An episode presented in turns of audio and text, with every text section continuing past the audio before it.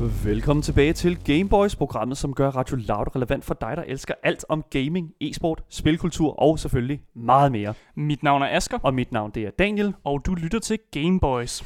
I dagens program har vi Terraria-veteranen Eskil Lykke med for at tale om sine 760 timers erfaring med det her spil. Og selvfølgelig også at introducere os og jeg lytter til den her aller sidste opdatering til Terraria nogensinde, som hedder Journey's End. Ja, vi skal også fejre, at barne rundt omkring i Danmark er åbne igen, og på bedste Gameboys manér gør vi det med at kigge på nogle af de bedste virtuelle bar i spil. Og nej, vi snakker ikke om health bars, men om dem, hvor man normalvis indtager alkohol. Glimrende joke, Asger. til sidste programmet kommer vi med vores ugentlige spilanbefalinger til jer, som lige mangler, mangler det her sådan ene eller de her to spil til weekendens frirum. Velbekomme og velkommen til Gameboys. Men inden vi skal ind i alt det, så skal vi jo lige have de der sådan friske nyheder, mm-hmm. og altså de er friske i dag, vil jeg sige, fordi den første nyhed, som vi skal ind i, det er altså en nyhed, som kommer fra e-sportsverdenen. Og øh, nyheden er jo, går jo faktisk på, at øh, Astralis, som er det her danske øh, Counter-Strike øh, Go øh, team her, er blevet en spiller mindre. Ja. Øhm, det handler jo om ham her, Glaive, eller øh, rettere sagt Lukas Rosander. Øhm, Lukas, øh, han, øh, hvad kan man sige, har jo faktisk været en del af det her hold her, mm. nærmest fra starten af. Og altså, jeg vil sige, at se ham øh, at se ham øh, tage sit, øh, sin leave Mm. mm. fra det her hold her, er jo vidderligt ligesom at se, altså i min, min optik i hvert fald, at se øh, Ronaldo eller Messi øh, gå, altså forlade deres respektive øh, hold. Ikke? Altså Mm. mm. det er virkelig en, en, en top-atlet, som nu vælger at forlade e-sport-scenen lige nu. Ja, men det er altså ikke, ikke en permanent ting, det er en midlertidig ting, og han har været i kontakt med hans læge, som har anbefalet, at han lige tager en pause, fordi han er nemlig gået ned med stress, øh, og det er kun en tre måneders ting. Øh, som sådan det ser ud nu, mm. Mm. er det tre, øh, tre måneder, han er ude, og så kommer han altså tilbage til Astralis igen. Så vi får ham nok at se i aktion igen, hvis, hvis alt går vel. Og det er jo det, altså nu er det jo kun et eller andet sted, fra min side af i hvert fald, sådan en formodning om, at det bliver tre måneder. Men stress er bare ikke en tre måneders ting, tror jeg. Og specielt ikke for en, en atlet som dem her. Vi sad jo og talte om, inden vi lavede programmet her, at, at det her med at være atlet på den her måde, altså en e-sports-atlet, er en lille smule anderledes, når det Mm. kommer til sådan det mentale, end for eksempel hvis vi snakker om en fodboldspiller.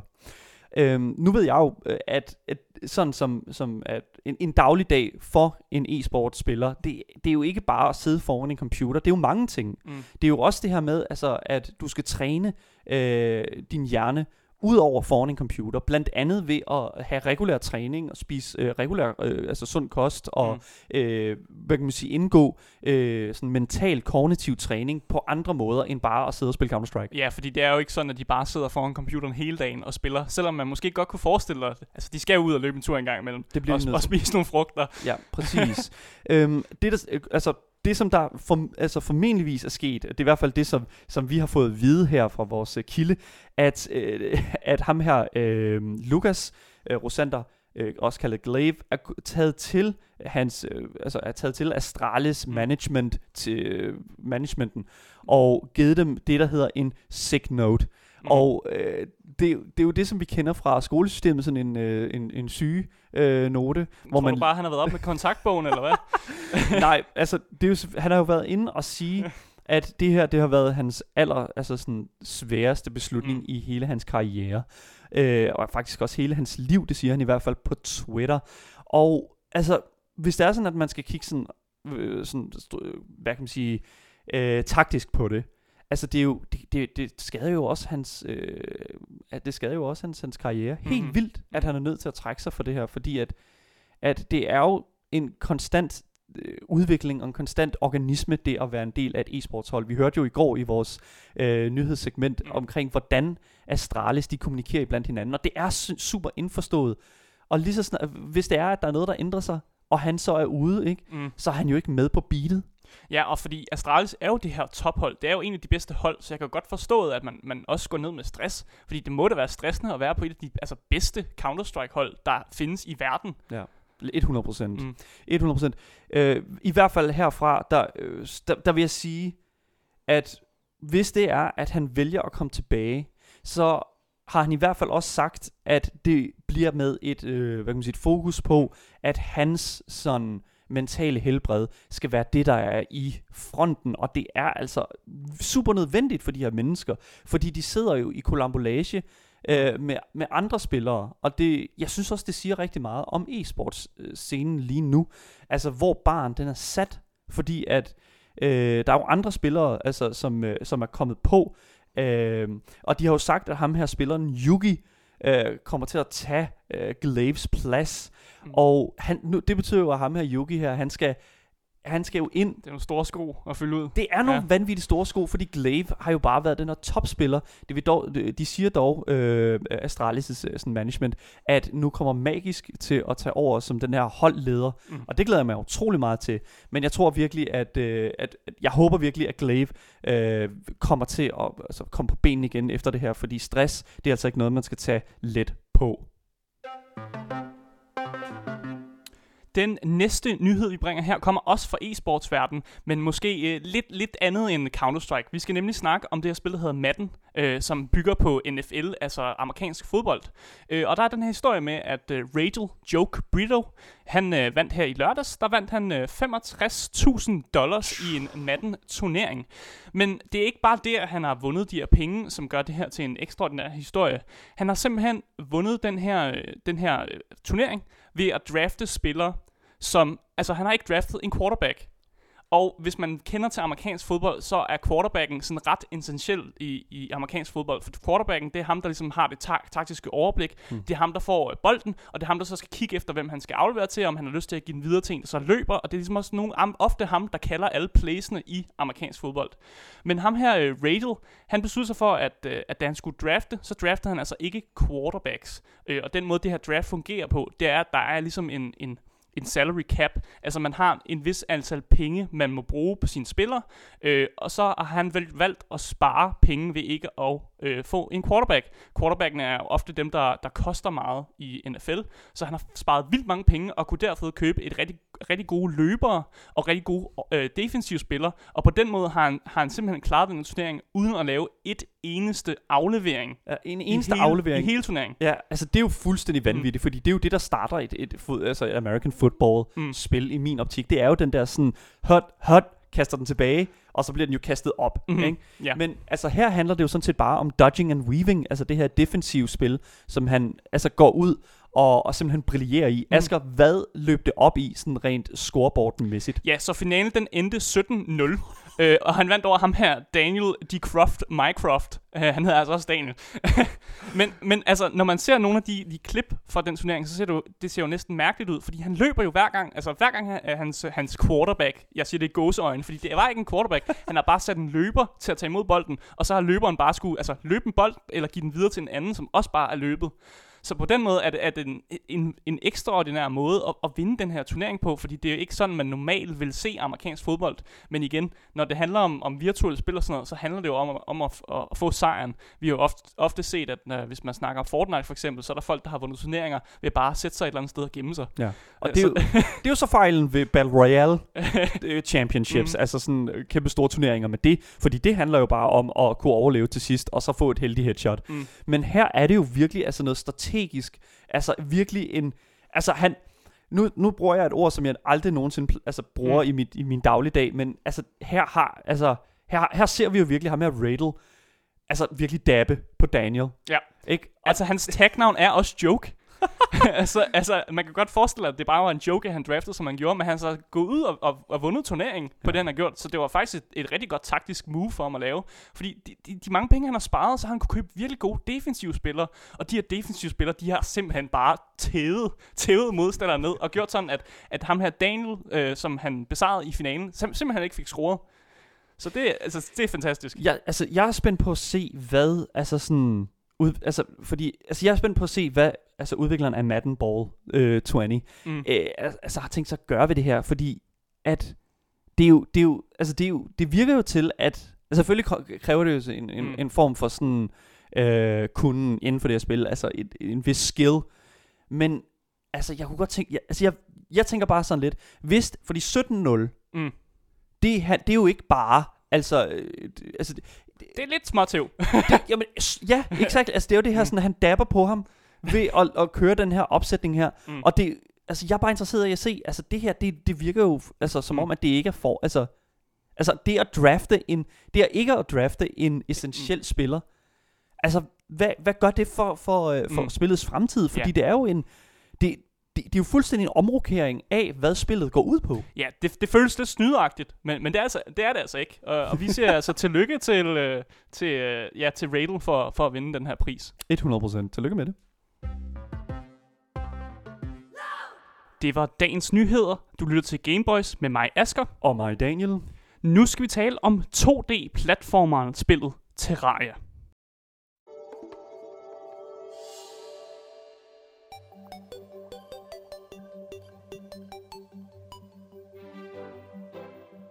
Spillet Terraria har igennem de sidste 9 år været et spil, som på mange måder har lignet Minecraft, bare lige i 2D-format. Men som tiden er gået, har udvikleren Relogic altså introduceret så meget mere indhold i spillet, for ligesom at tegne den der streg imellem de to spil lidt klarere. Men det er altså slut nu, for med den sidste opdatering, som hedder Journey's End, så udkom, øh, som udkom her øh, den 16. maj, hvilket faktisk også er udgivningsåret, eller udgivningsdatoen i 2011 for spillet, så er det altså den aller sidste update, vi får til Terraria lige forløbigt. Terraria er et super fedt spil, og altså, jeg har spillet det i et par timer, men for rigtig at kunne komme ind i den her opdatering, så som altså Journey's End, så synes jeg altså lidt, at man helst skal have lidt mere erfaring med spillet. Og det er altså derfor, at vi i dag har inviteret vores gode ven af programmet, Eskil Lykke, øh, over telefonen. Og Eskil har altså på nuværende tidspunkt spillet øh, Terraria i 760 timer. Velkommen til programmet, Eskil Lykke. Mange tak. Velkommen til. Vil du være, kan du ikke lige starte med at, sådan, at helt lavpraktisk fortælle os, altså hvad er Terraria, og hvad, altså, hvad er det for et størrelse af spil? Jo, det kan jeg godt øh, Terraria, det er, så nogen vil beskrive det som 2D Minecraft, men jeg har også mere akkurat hørt det beskrevet som et fighting game med crafting, hvor Minecraft er et crafting game med fighting.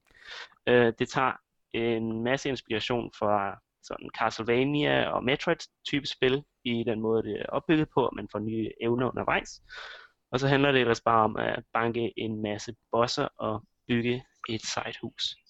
Ja, altså fordi i mine ører, så lyder det jo vanvittigt meget som Minecraft, det her. Men altså, jeg har aldrig nogensinde hørt det sådan forklaret som et fighting game med crafting, altså øh, terraria, og så crafting mm. med fighting.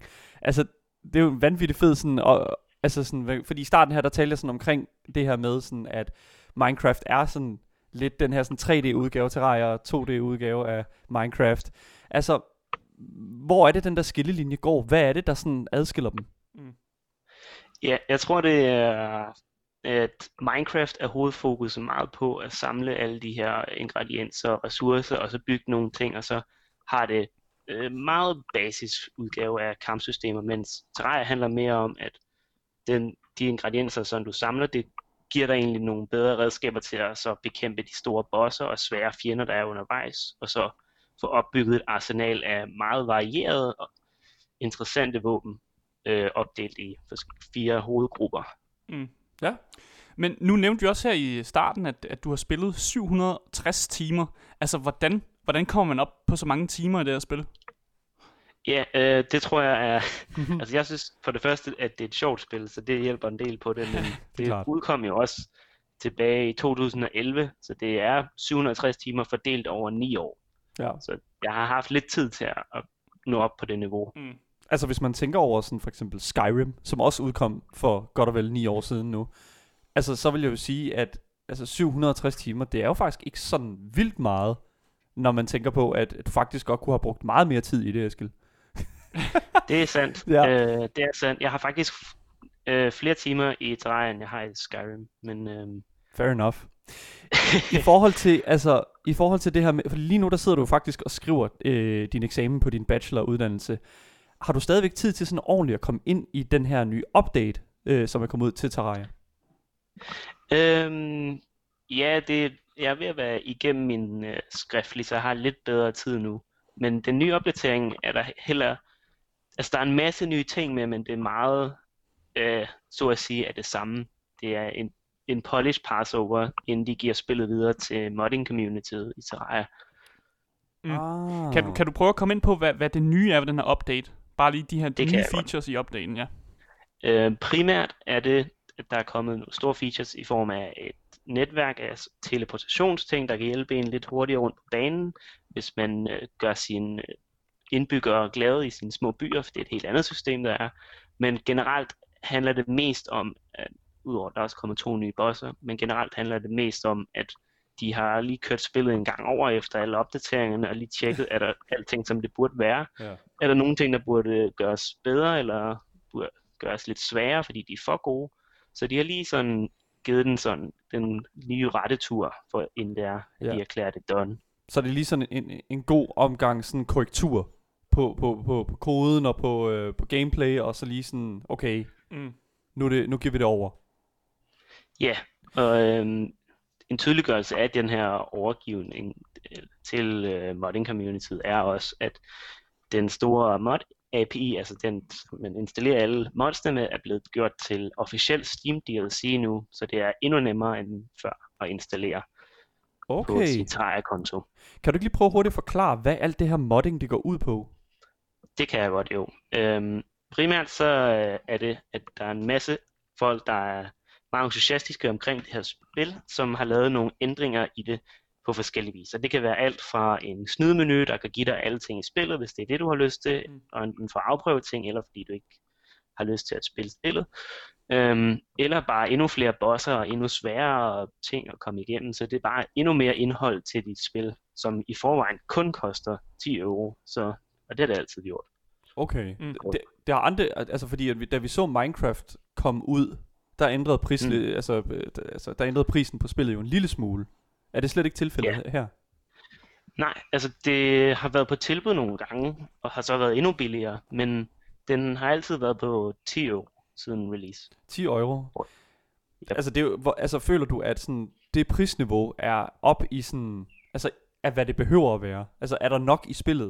Et eller andet. Nu har du selvfølgelig spillet 57 Øh. timer, men altså, er der, er der er 10 euro, er det, altså, er der nok for en ny spiller? Jeg vil sige, at 10 euro var en færre pris for dengang det kom ud, og på nuværende tidspunkt vil jeg ikke have noget imod at give 30 for det, eller mere. Okay. Uh. Jeg kunne godt tænke mig sådan at spørge dig, altså i forhold til sådan modding og sådan noget, altså det lyder jo som om, at der er en masse altså, altså enkelte individer derude, som kan sidde og lave indhold til det her spil her. Er det et eller andet sted ikke bare altså gratis arbejdskraft øh, for udvikleren af øh, Terraria? Jo, et eller andet sted er det jo gratis arbejdskraft, som det er i mange forskellige typer af spil, men det handler også meget om, at øh, tror, at communityet, altså alle dem, der spiller spillet og synes, det er fedt, også gerne vil give noget tilbage og give noget til de andre folk. Så det er en, det er jo passionsarbejde. Mm. Altså, det er jo noget, som folk de brænder for spillet og synes, det er så fedt, at de vil ønske, at der var nogle flere ting. Så nogle folk, de har så gået skridtet videre, og så har sørget for, at der er flere ting mm. I det her spil, som de synes er så fedt.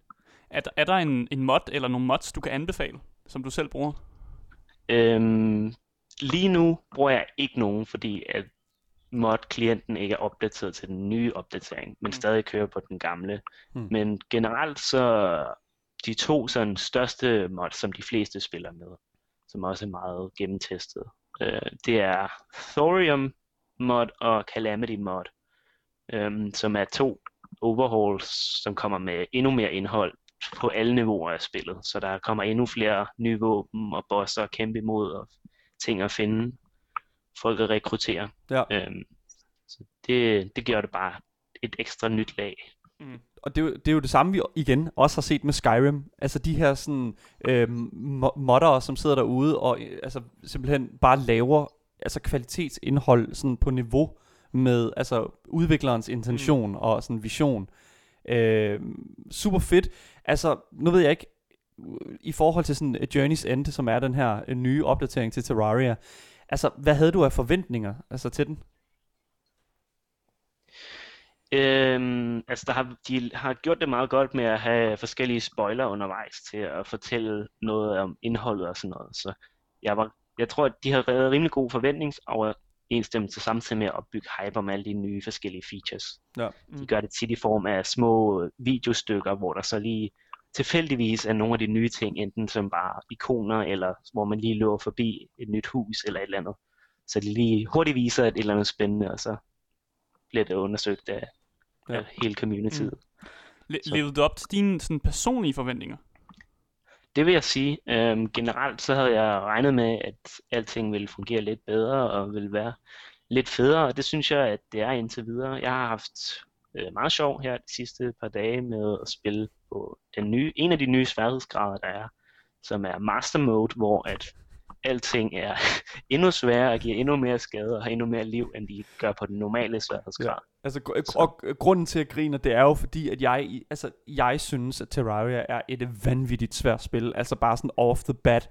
Mm. Altså, men, altså der er jo forskellige, altså vi talte, i går t- øh, talte vi jo også sværhedsgrader med Andreas Michakin, og altså for mig er det bare vigtigt, at sværhedsgraden, som, altså, som spillet giver dig som udgangspunkt, mm. sidder altså perfekt. Føler du, at sådan sværhedsgraden er sådan begynderhed, altså begyndervenlig for Terraria?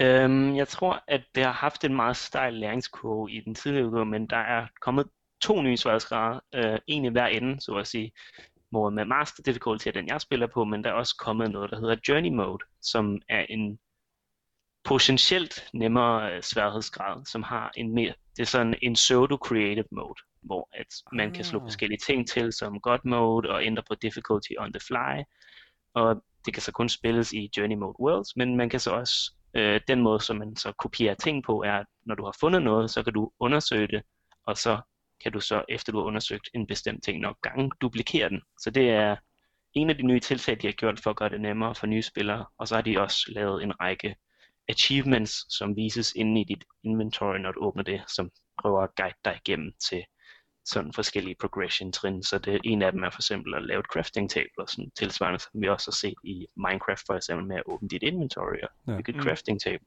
den slags. Vanvittigt. Men, men hvad, hvad er det, bare lige for at vende tilbage til sådan spillet som helhed, altså hvad er det, der gør Terraria til, altså til et godt spil i din optik?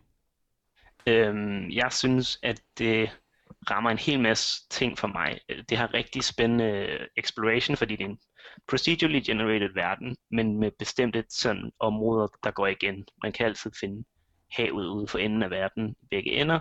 Hmm. Det er 2D, så det er sådan der. Og så synes jeg, at det, der er allervigtigst for mig, det er, at kontrollen i spillet, altså den måde, jeg styrer min karakter på, det sidder lige skabet.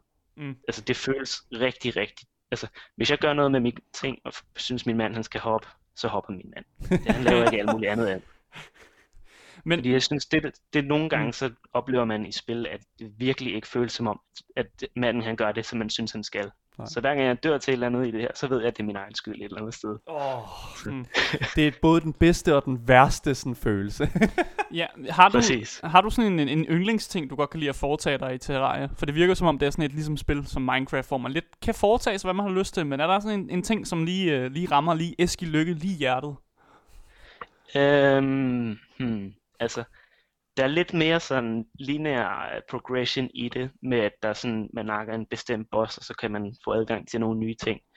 Øh, men jeg synes, den måde jeg bedst kan lide at spille det på, vil nok være at spille med den våbengruppe, der hedder Magic Weapons, som, er, som jeg synes har en masse interessante øh, både med, måder at angribe på. Ja. De, de ligesom har været mere frie til at sige, at hvis det er en magisk magi, så må den godt skyde igennem en væg eller flyve som et kontrolleret missil eller sådan noget. Så de har nogle meget unikke angrebstyper, men mange af deres forsvar er så noget lavere end på nogle af de andre sæt, for at, ligesom at kompensere for, hvordan de fungerer. Ja, altså det er der, hvor jeg, altså det er virkelig her, hvor jeg føler, at forskellen på Terraria og, og Minecraft virkelig er. Fordi du har jo netop hele det her sådan, altså de er bare lige gået det skridt videre med combat, føler jeg, i forhold til for eksempel magi og den slags.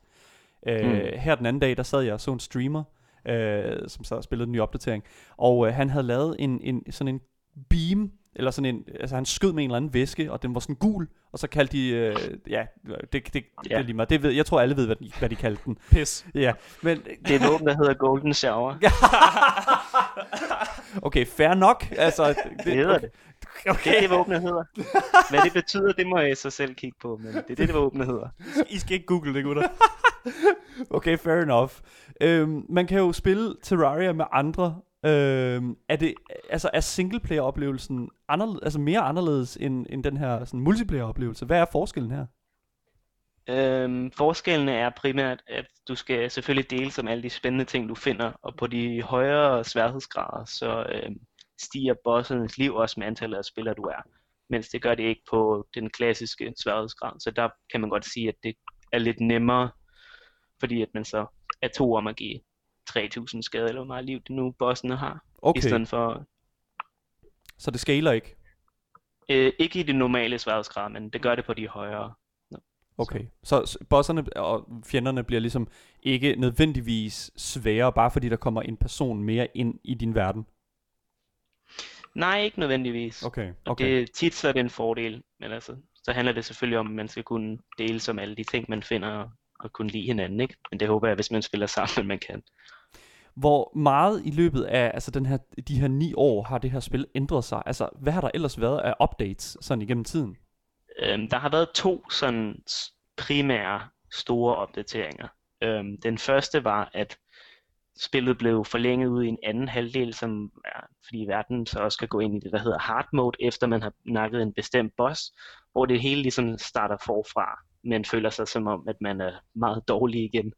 Øhm, og den anden var så en forlængelse af den her hard mode med en række nye bosser og begivenheder, sluttet af med den øh, store sidste boss, The Moon Lord, som er en, øh, en kæmpe, kæmpe oplevelse. Han Wow. er meget større end alle de andre bosser, og meget sværere end mange af de andre bosser også. Okay. Så, men, Det lyder, det lyder som noget af et event, og, og specielt noget at, sådan at sigte imod. Øhm, sådan helt til sidst her, kan det virkelig passe, at vi ikke får flere opdateringer til Terraria i fremtiden? øhm, altså det, det er ikke planlagt, at der kommer flere større opdateringer. Der kan godt komme mindre opdateringer til at fjerne box og sådan, men de har efter øh, ni års gratis støtte af spillet besluttet sig for, at det måske er på tide at lave en, et nyt spil. Hvad Okay. det så end det bliver, det ved vi ikke endnu, men øh, vi synes, at, jeg synes, det er meget fair, at de har, de har givet ret meget til ingen penge, Mm. 100 efter man har procent. betalt. 100 procent. Ved du hvad, Eskild? Tusind tak, fordi du var med på programmet. Uh, Terraria har jo fået den her nye opdatering, Journey's End, med en hel masse polish i sig. Tusind tak, fordi du var med, Eskild. Mm. Selv tak, og jeg håber, at I vil gå ud og prøve det derude. Det gør vi. Hej. Det var Eskild Lykke, som har spillet den nye opdatering, Journey's End i Terraria. Du lytter til Gameboys med mig, Asker. Og mig, Daniel.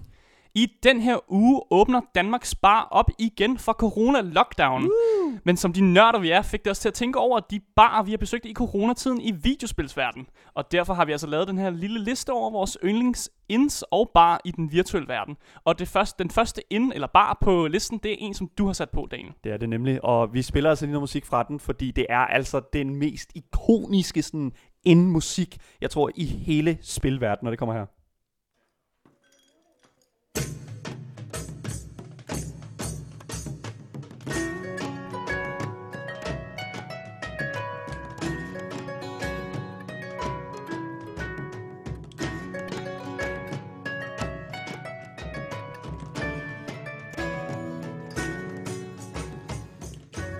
Altså, når jeg hører det her, Mm.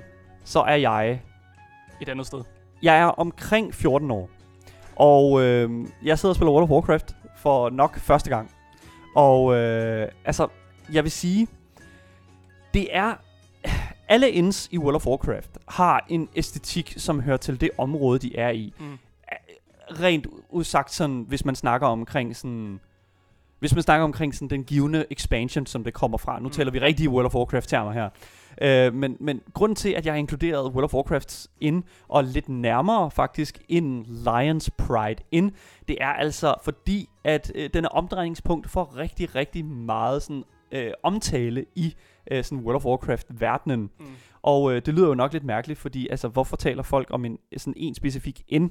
Og det er altså fordi, at øh, den her Lions Pride ind, den ligger i det, der hedder Goldshire, i den, øh, hvad kan man sige, den del af Azeroth, som World of Warcraft foregår i, som hedder Av, øh, Avel, øh, øh, mm, hvad den hedder?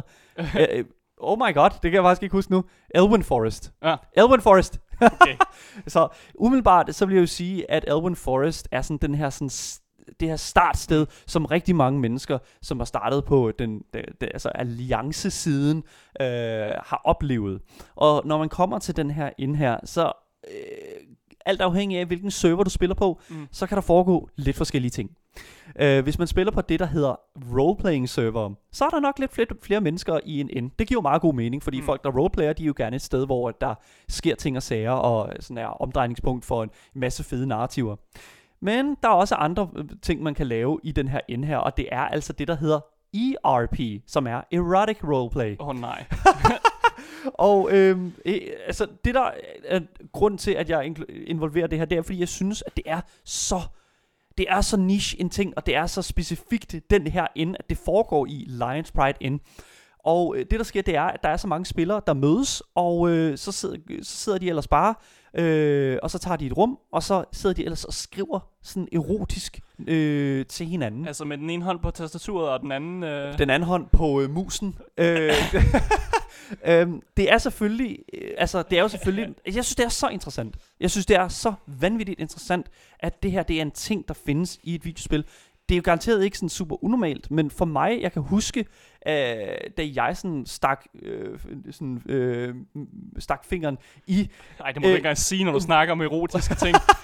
da jeg sådan stak fingeren i rollespilselementet af World of Warcraft, og hørte omkring det her sted, så var jeg nødt til at tjekke det ud, og da jeg kom derhen, så var det bare, altså, folk, der knælede foran hinanden, og øh, kunne man godt se, der foregik noget lidt andet der, og der var det yeah. bare sådan, okay, det er den mørke side af, af rollespillet her, og det, altså normalt synes jeg, at rollespil i World of Warcraft er vanvittigt fedt, fordi der findes sådan folk, der er interesseret i at lave nogle, sådan nogle lidt skøre narrativer, og det synes jeg bare, det synes jeg bare er mega fedt, og helt klart øh, mm. grund til, at den her ende, den er på den her liste.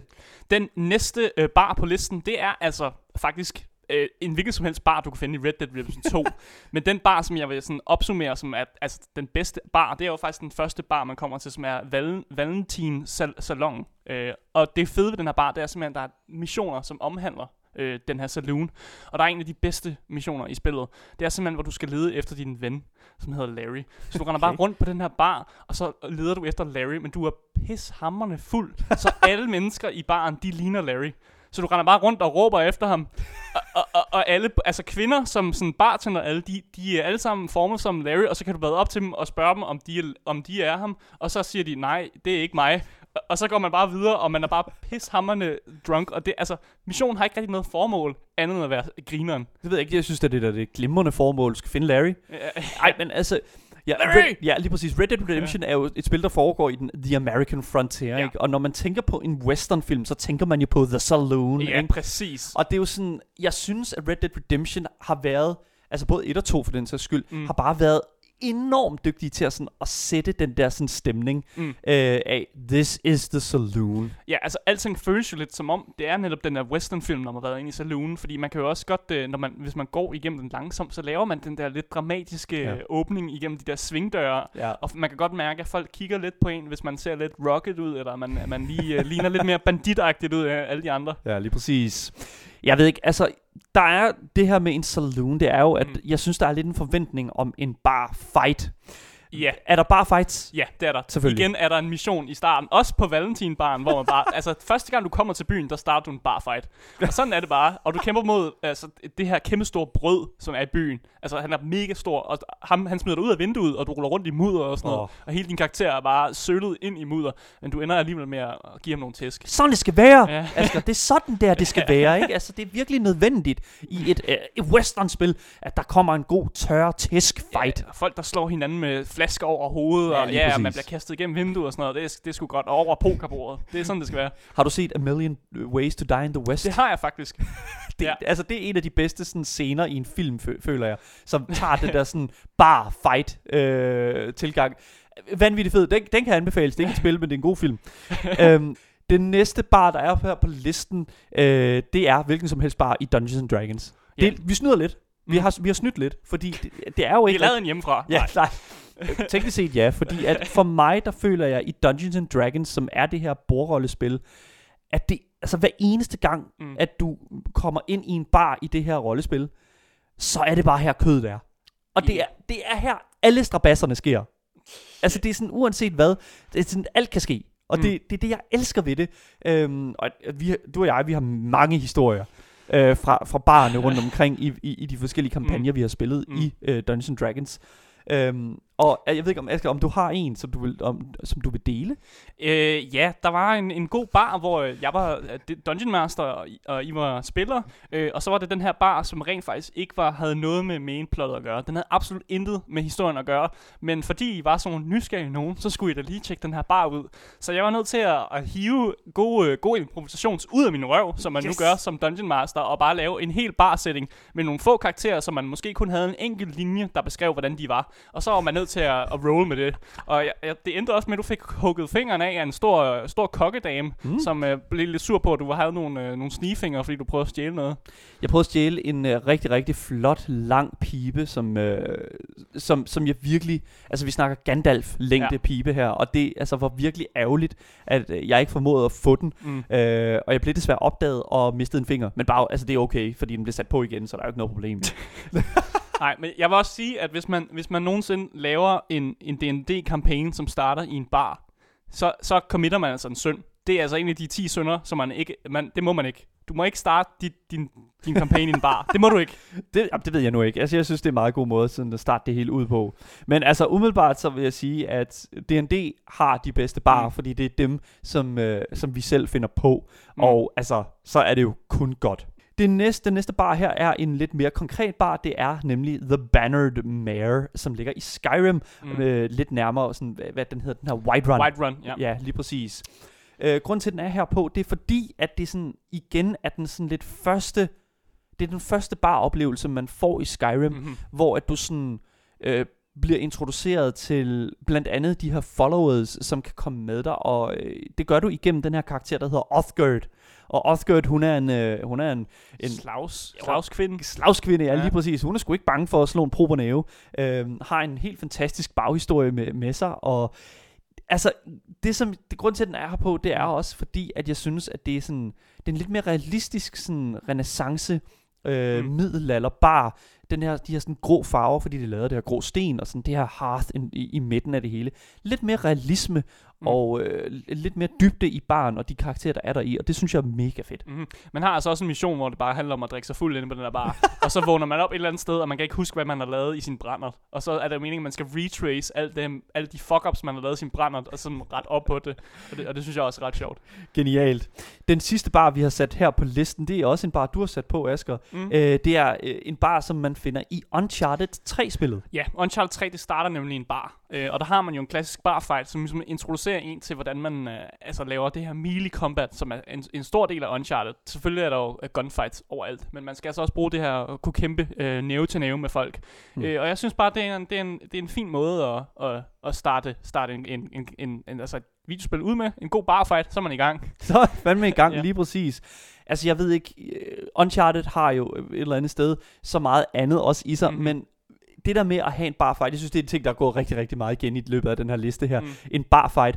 Altså, hvor meget barfight er der egentlig ude i den virkelige verden? Jeg håber ikke, at nu når det åbner op, at folk går så meget mok Mm. mm. øh, og begynder at slå på hinanden. Men altså, det er bare lidt federe i videospilsverdenen. Mm. Altså ja, man befinder sig på en pub i England i spillet i hvert fald, så det er, det er måske der, de fleste fights er. det er måske nok rigtigt nok. Ja, lige præcis. Du lytter til Gameboys med mig, Daniel. Og mig, Asker. Vi er jo så småt ved at være i slutningen af vores program, men bare rolig, vi har ikke glemt det vigtigste. Det vigtigste kommer altid til sidst i min bog nemlig. Mm. Vi skal ind i vores helt store passion, nemlig det her med at dele vores gamerinteresse med jer glade lytter derude.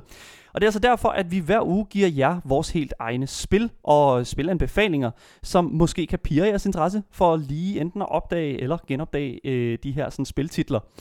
Men øh, bare roligt, du behøver altså ikke selv at gå ud og kigge efter dem, for vi har altså lavet en hel liste over fede spiltitler, som øh, vi ligesom har delt op i singleplayer-spil, som er spil, du kan spille selv, og multiplayer-spil, som du kan inkludere dine Mm. venner og familie med. Øhm, jeg vil så sige, den vakse lytter vil måske lige lægge mærke til her, at vores anbefalinger, de falder på en onsdag, og det er jo normalt om torsdagen, Mm. mm. at vi lægger dem. Øh, men det er altså fordi, at vi øh, ikke har lavet et frisk program til på torsdag, fordi det er jo øh, helligdag. Mm. Mm. Vi sender ikke helligdag. Og der har vi fri. ja, lige præcis. Der slår vi benene op. Øh, men det gør vi altså ikke nu, fordi vi skal nemlig give jer øh, det aller, aller første spil på den her liste, Mm. Asger. Og det, øh, det er et øh, spil, som du har sat på, kan Ja. jeg se. Ja, jeg har nemlig sat uh, Max Payne uh, 3 uh, på, som er lavet af Rockstar Studios, og det udkom i uh, 2012. Lige præcis. Ved du hvad, skal vi ikke starte ud med noget øh, atmosfærisk musik Jo. fra Max Payne 3? Kommer her.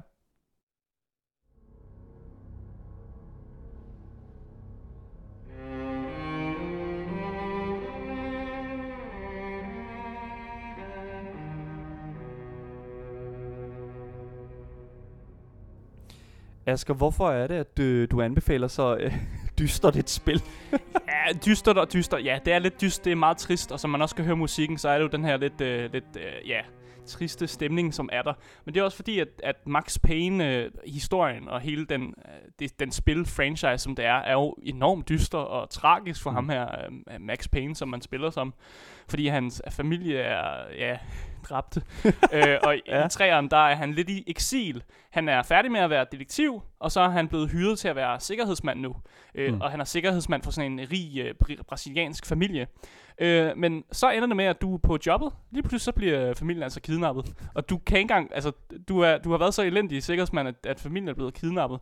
Så Max Payne, selvom han får den her ufattelig dårlige løn ud af at være sikkerhedsmand, så beslutter han for, at jeg har simpelthen ikke gjort mit job godt nok. Jeg bliver nødt til at redde, redde den her rigmandsfamilie. Og han, går- han går igennem alle mulige strabasser Ja. for at redde, altså redde de her mennesker. Bare fordi, at det på, en- på en eller anden måde, så er det hans, sådan, hans honor, der er på spil her. Det Mm. har ikke så meget om det der med, at han bliver betalt, eller altså, så mange andre ting.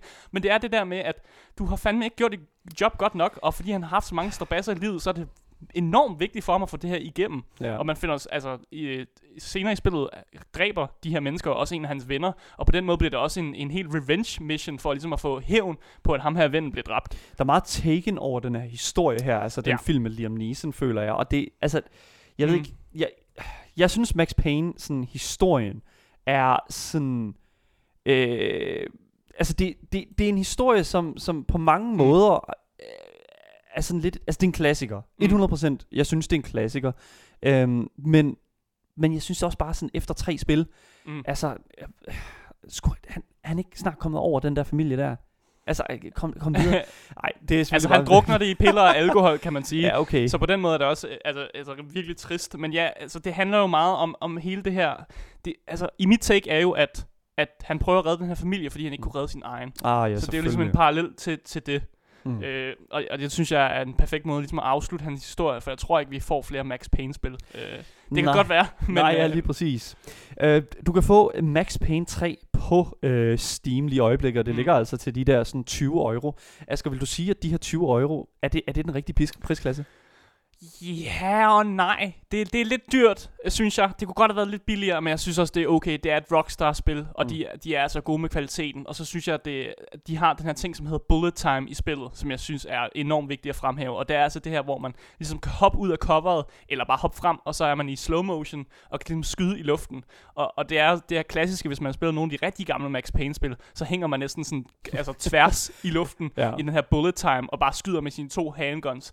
Og det er altså virkelig fedt, den her bullet time, der er. Ja, lige præcis. Så bare på grund af, grund af den ene feature, synes jeg, at det er et formidabelt spil. Ja, ja, altså jeg ved ikke, altså det er sådan et spil, hvor jeg sådan siger, okay, så vent, vent lige, vi, vi anbefaler det, men vent lige til, øh, mm. Mm. altså til det kommer på noget sale, fordi det er jo et relativt gammelt spil. Ja. Altså, øh, det, det, det, er jo, det udkom jo i 2000, øh, og, og, ja, 2012. 2012, ikke? Så det er jo ved at være sådan nogle, øh, nogle år siden nu, og det kommer selvfølgelig på, øh, på tilbud inden længe. Ja.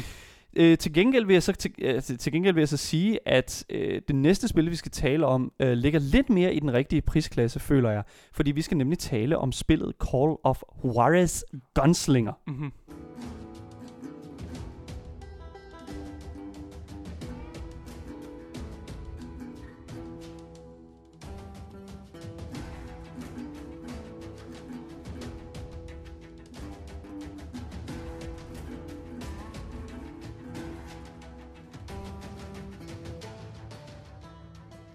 Call of Juarez Gunslinger. Mm.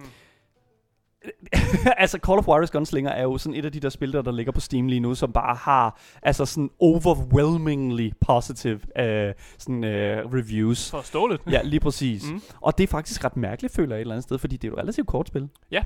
Ja. Det, det er mega kort spil, men det er altså også det er, det er et godt spil. For jeg kan huske, at du anbefalede faktisk det at spille til mig, og det er helt grund til, at jeg, jeg overhovedet har spillet det her spil.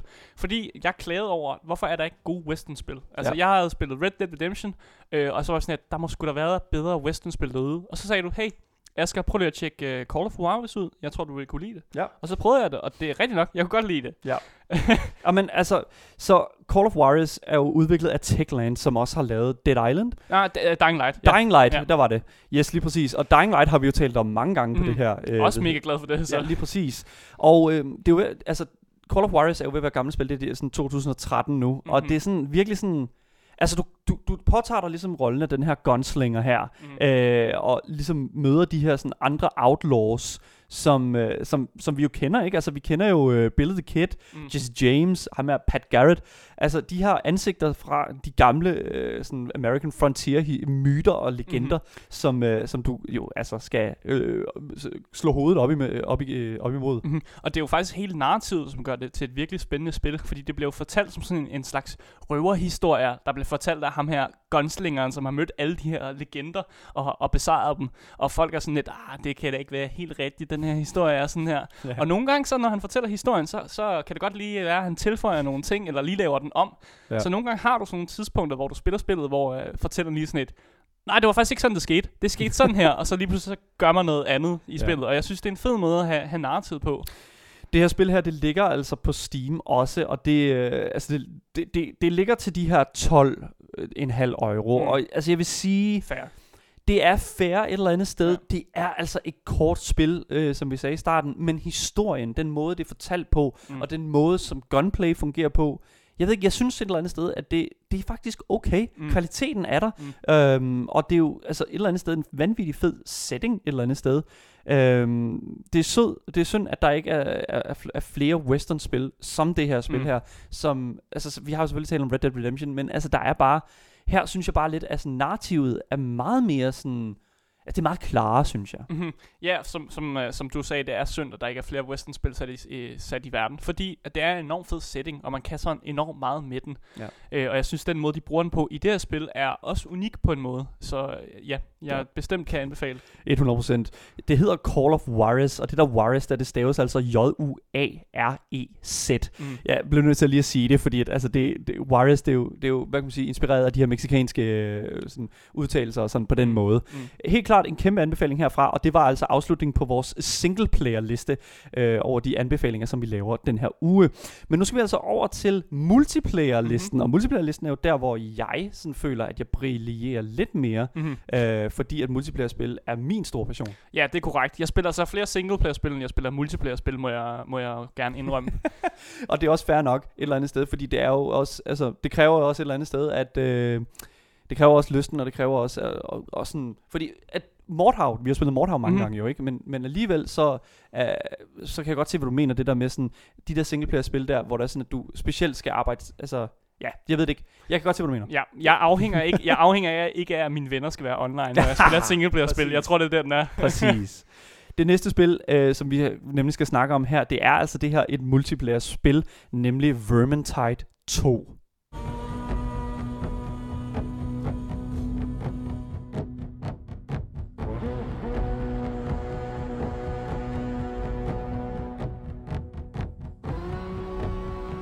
Vermintide 2 er så vanvittigt badass, at jeg simpelthen ikke... Altså, altså det, det er bare et af de der spil der, som bare cementerer sig i mig som værende en god oplevelse, uanset hvad.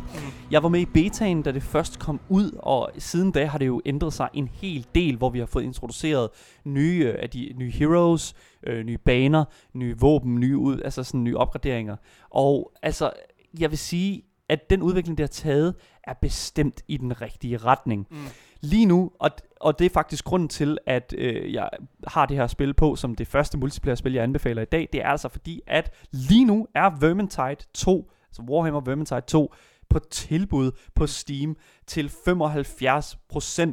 Og det er altså en, øh, det, det tror jeg ligger på sådan 7 euro lige nu. Og det er altså bare bang for your buck. Til at slå til. Ja, lige præcis. Øh, Vermintide 2 er udviklet af det her, øh, den her udvikler, der hedder Fat Shark. Og de har formået at lave en spiltitel her, som simpelthen ligner Øh, altså, hvis vi har det, der hedder Souls-like spil, altså Mm. det, der ligner Dark Souls-spil, så har vi altså også det, der hedder Left 4 Dead-like spil. oh my god. Jamen, altså, ja, fordi det er nok. det her, det er altså en, øh, et spil, hvor du øh, påtager dig en rolle som en eller anden held, hvor du så skal øh, ligesom navigere dig igennem en bane øh, i, i, sådan fra A til B, og fra Mm. B til C, og fra C til D. Og igennem de her baner her, der kommer der de her kæmpe store hordes af vermins, altså de her sådan, øh, den her race, der er i Warhammer-universet. Mm. Øhm, og jeg synes, det er så mega fedt et øh, univers, fordi at jeg var, jeg selvfølgelig, altså Left 4 Dead er jo en, er jo en, en klassisk titel, Mhm. mm-hmm. tidsløs. Der er absolut øh, altid noget at komme tilbage til i Left 4 Dead øh, og Left 4 Dead 2. Men det er som om, at vi alligevel formår i Mm. mm. Warhammer at få den der fantasy-verden øh, verden ind, virkelig hvor det passer. Ja, for der er altid noget med, at uh, i Left 4 Dead, der har man jo guns, og man skyder efter fjenden og sådan noget. Men i, i Vermintide, der er, der jo, der er der jo klassisk medieval våben, man har med at gøre, og nogle gange så føles det bare federe at bare hugge et eller andet stort svær, eller en eller anden stor warhammer ned i, ned i hovedet på et eller andet, man kan bare squishe. Præcis. Og Ja. det er bare sådan, altså jeg ved ikke, hele, altså nu er det ikke bare sådan fantasy-universet, det er faktisk hele Warhammer-universet, som bare er altså så komplementerende til det her sådan, øh, til det her format.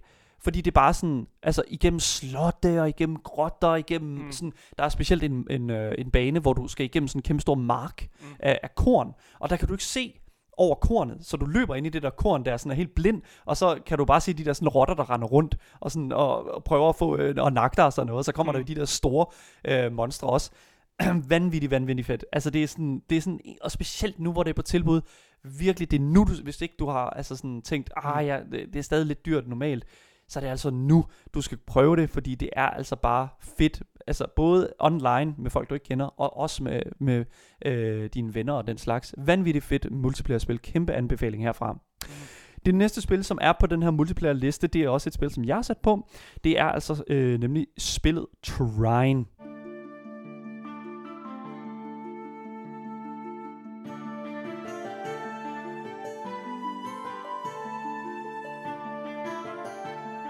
Trine. Så hvordan starter jeg med Trine? Det, det skal Så- du ikke spørge mig om. Nej, fordi du har, du har nemlig ikke spillet det. Nej, hvis du skulle sælge til mig, jeg tror, det er der, du skal starte. Så og du kan spille en ridder, som kan bonke ting. Okay, solgt. Så øhm, det, der, det der hele sådan er the selling point for mig og Trine, det er, at det er et multiplayer-spil, du kan spille med dine venner. Øh, og i det her spil, det er jo en puzzle-platformer, og det er måske, oh, ja, det ved jeg godt, det, det tænder dig ikke så meget, Asger. Nej.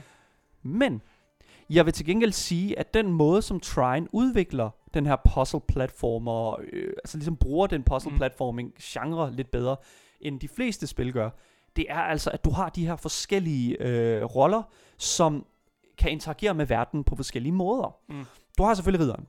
Ridderen, øh, som, ja, som bonker jo selvfølgelig, som hedder, ridderen Pontius hedder han. Mm. Øhm, han kan selvfølgelig bonke ting, han kan også øh, øh, sådan charge ind i ting. Mm.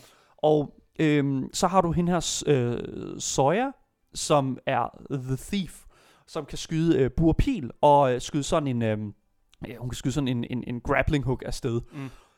Og så spiller du, har du også ham her Wizarden her, som kan lave kasser og platforme. Og sammen skal de her karakterer sådan arbejde sammen om at komme igennem forskellige øh, løse puzzles mm. øhm, og combat. Og det er bare sådan pacing i det er vanvittigt fantastisk, og det ligger altså også på Steam det her, øh, til den sådan virkelig, virkelig, virkelig øh, fede pris, øh, øh, øh, 15 euro. Mm. Jeg synes 15 euro er perfekt, fordi altså hvis det er sådan, du føler, at det lige går lige lidt for, for afslappet imellem jer, øh, dig og dine venner, altså så er det altså tid til at I prøver øh, tryen, fordi så kommer der virkelig, altså så kommer I fandme på prøvelse i, imellem, jeres, sådan, Mm. øh, imellem jeres venskaber. Vanvittigt fedt. Øh, kæmpe, kæmpe anbefaling herfra. Udvikleren er Frozen Byte, og det kan man altså godt mærke, selvom at øh, det måske øh, altså, øh, vakler lidt imellem de forskellige sådan, udgaver af spillet, fordi mm. der er jo ved at være fire spil, og nogle af dem er altså lidt bedre end andre. det var vores spilanbefalinger for den her uge, og faktisk også ugens øh, sidste, øh, sådan, hvad kan man sige, live-program. Øh, du har lyttet til Gameboys. Med mig, Asker. Og mig, Daniel. Vi er selvfølgelig blevet færdige for i dag, men øh, det skal altså ikke stoppe dig for at skrive til os og høre, altså fortæl os, hvad du synes, øh, har synes om programmet i dag. Mm. Og det kan du så gøre på vores e-mailadresse, som er gameboys eller direkte til Radio Louds egen Instagram-profil, som hedder radio.loud.dk. Det har været en fornøjelse at sende for jer. I må have en rigtig, rigtig god dag.